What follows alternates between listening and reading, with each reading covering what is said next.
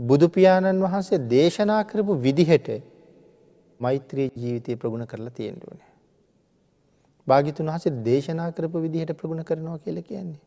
බුද්ධ භාෂිතයට අනුව ප්‍රගුණ කරන්න ඕනේ. එතකොට ඒක හරියටම හරියටම අපිට ප්‍රයෝජනයට එන්නේ. එතට බුද්ධ භාෂිතයට අනුවම මෛත්‍රී ප්‍රගුණ කරනකොට මේ මෛත්‍රී භාවනාව අපි කොහොම කරන්න වෙයිද.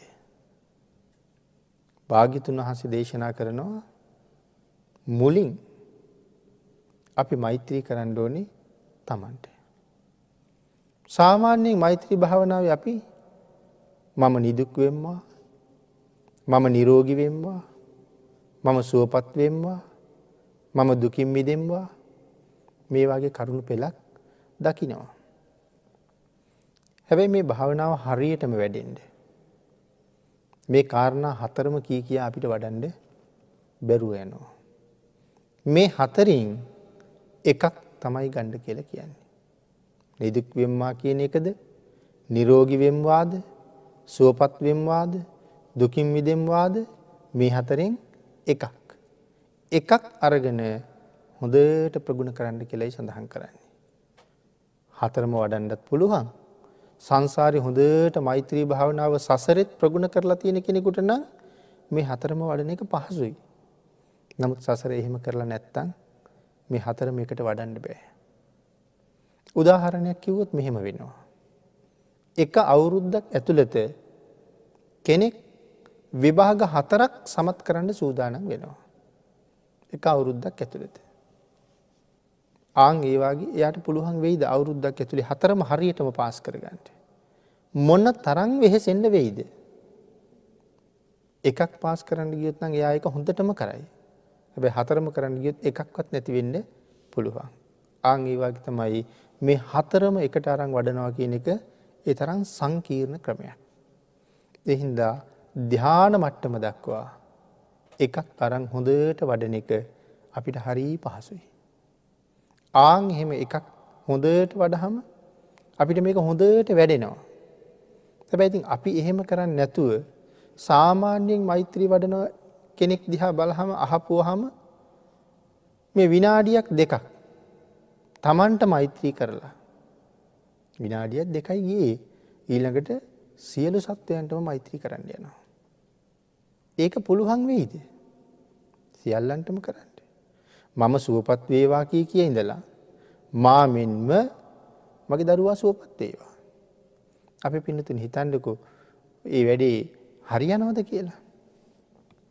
මගේ දරුවට සුවය දානය කරන්ඩ දැ මා මෙන්මනේ කල්පන කරබට දැම් මට සුවයක් තියෙනවද කියලා. දී වැඩියාවත් තියෙනවා. හර්ද අමාරුවත් තියෙනවා. තව නොයෙක් ලෙඩ රෝග ගොඩක් පිරිල තියෙනවා. නමුත් මං බොරුවට කියනවා මාමෙන්ම කෙලෙතවට හරියට ම සුවපත් කියලනේ කියන්නේ. මාමෙන්ම දරුවත් සුවපත් වේවා. දරුව සුවපත්වනය කන්නේ හැබ මගේ තියෙන අසනීපටික ඔක්කොම යාට යන්න පුළමකද මාමෙන්මනේ අර හොඳට ඉන්න මගතනට ගන්න වැඩ පිල්ලක් වගේට පටන් ගන්නවා එහෙම වුණොත්.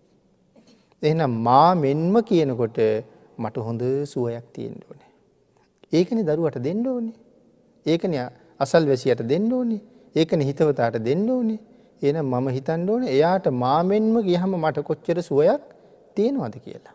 ආං ඒක නිසා මේ එකක් අරගෙන හොඳට වඩල වඩල වඩල වඩලා එක ප්‍රගුණ වෙච්චහම තමන්ට බලන්ඩ පුළුවන් ක්‍රමයක් තියෙනවා කේසාන්තේ ඉඳලා පාදාන්තයේ දක්වා මගේ ඇගේ මොනවද දැන් තියෙන අසනීප කියලා. වේගෙන් දැනෙන්ට පටන් ගන්නවා. පිනතනි සඳහන් කරනවා පිළිකාවක් වගේ අසාධ්‍ය තත්ත්වය තමන්ගේ ඇගෙන් පහ කරලම දාන්ඩ. පුළුවන් හැකියාව මේ මෛත්‍රී භාවනාවේ ඉහළ තැනක් නෙමෙයි ඉතාම ප්‍රාථමික මට්ටමක තියෙන එකක් කියලා. ආං එහෙම මගේගේ හැම තැනම තියෙන රෝගාබාධ ටික අයින් වෙලා ගිය හම මට තේරෙනවාර නලේකට වතුර මේ පැත්තෙන් දානකොට අනි පැත්තෙන් පිට වෙනවා වගේ කේ සාත්‍යය ඉඳල පාදාන්තය දක්වා බලහම මගේගේ කිසිම ලෙඩක් දැන්නේ. දැම්මන් හරි සනීපයි. ආං ඒ සුවය පුළුවන් ළඟ ඉන්න කෙනාට දානය කරන්න. එක ළඟ ඉන්න කෙනාට නෙමේ මෙහින්දලා ඇමරිකාව ඉන්න කෙනෙකුටුනත් දානය කරන්න පුළුවන්. හැබැයි ඉස්සරල මට හොඳට ඒක ප්‍රගුණ කරලා තියෙන්ඩ ඕනේ. එහිද මම සුවපත් වේවා කියල එකක් ගත්තොත් ධ්‍යාන මට්ටම දක්වා මේක වඩන්ඩ කියලයි සඳහන් කරන්නේ. ආං එහෙම වඩලා දියුණු කරපු පුද්ගලයකුට ආං අර මරණාසන්න වෙලා වෙන වේදනාව එහෙම්මම තමන්ට අයින් කරගණ්ඩ පුළුවන්. එතකොට තමන්ට දැනෙන්නේ පුදුම සුවයක්. ආං ඒ සුවය දැන්න වෙලාවේ අපිට පුළුවන් අපි කරපු පින්කං ටික මතක් කරගන්නට. කොසල් දහම් ටික මතක් කරගන්නට. ආං ඒ සතුටු සහගත මෛත්‍රී සහගත සිතුවිල්ලෙන් අපේ ජීවිතය අවසානයට යන්න පුළුවන් වුණොත් ඒක බොහොම සුපදායකයි. දවේශ සහගත වුණොත් ඒක බොහොම අසුබදායක තත්ත්වයකට තමයි පත්වෙන්නේ. මහාපින්කං කරපු ධර්මාසෝක මහරජ්ජිරුවොත් තිරිසංආත්මක ඉපදිච්ච බව සඳහන් කරනවා. මොන හේතුවක් නිසාද. සඳහන් කරනවා අවසාන වෙලාවෙ තමන්ට පවන් සලමෙන් හිටපු කෙනා පිළිබඳව දේශ සිතක් ඇති වුණා කියලා. මොකද ඒ වෙලාවට ඇඟට වැදෙන හුළං රැල්ලත් ඉතා වේදනාකාරී තත්ත්වයක්.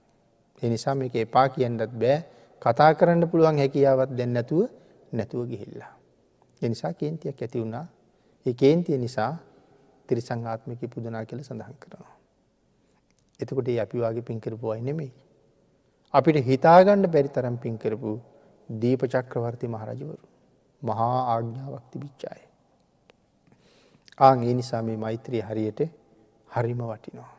අංග කීයක් තියෙනවා කියල සඳහන් කලාද මූලිකව ආනිසංස එකොළහක් තියෙනවා දහයක් මෙලොවදිත් විපාක දෙනවා.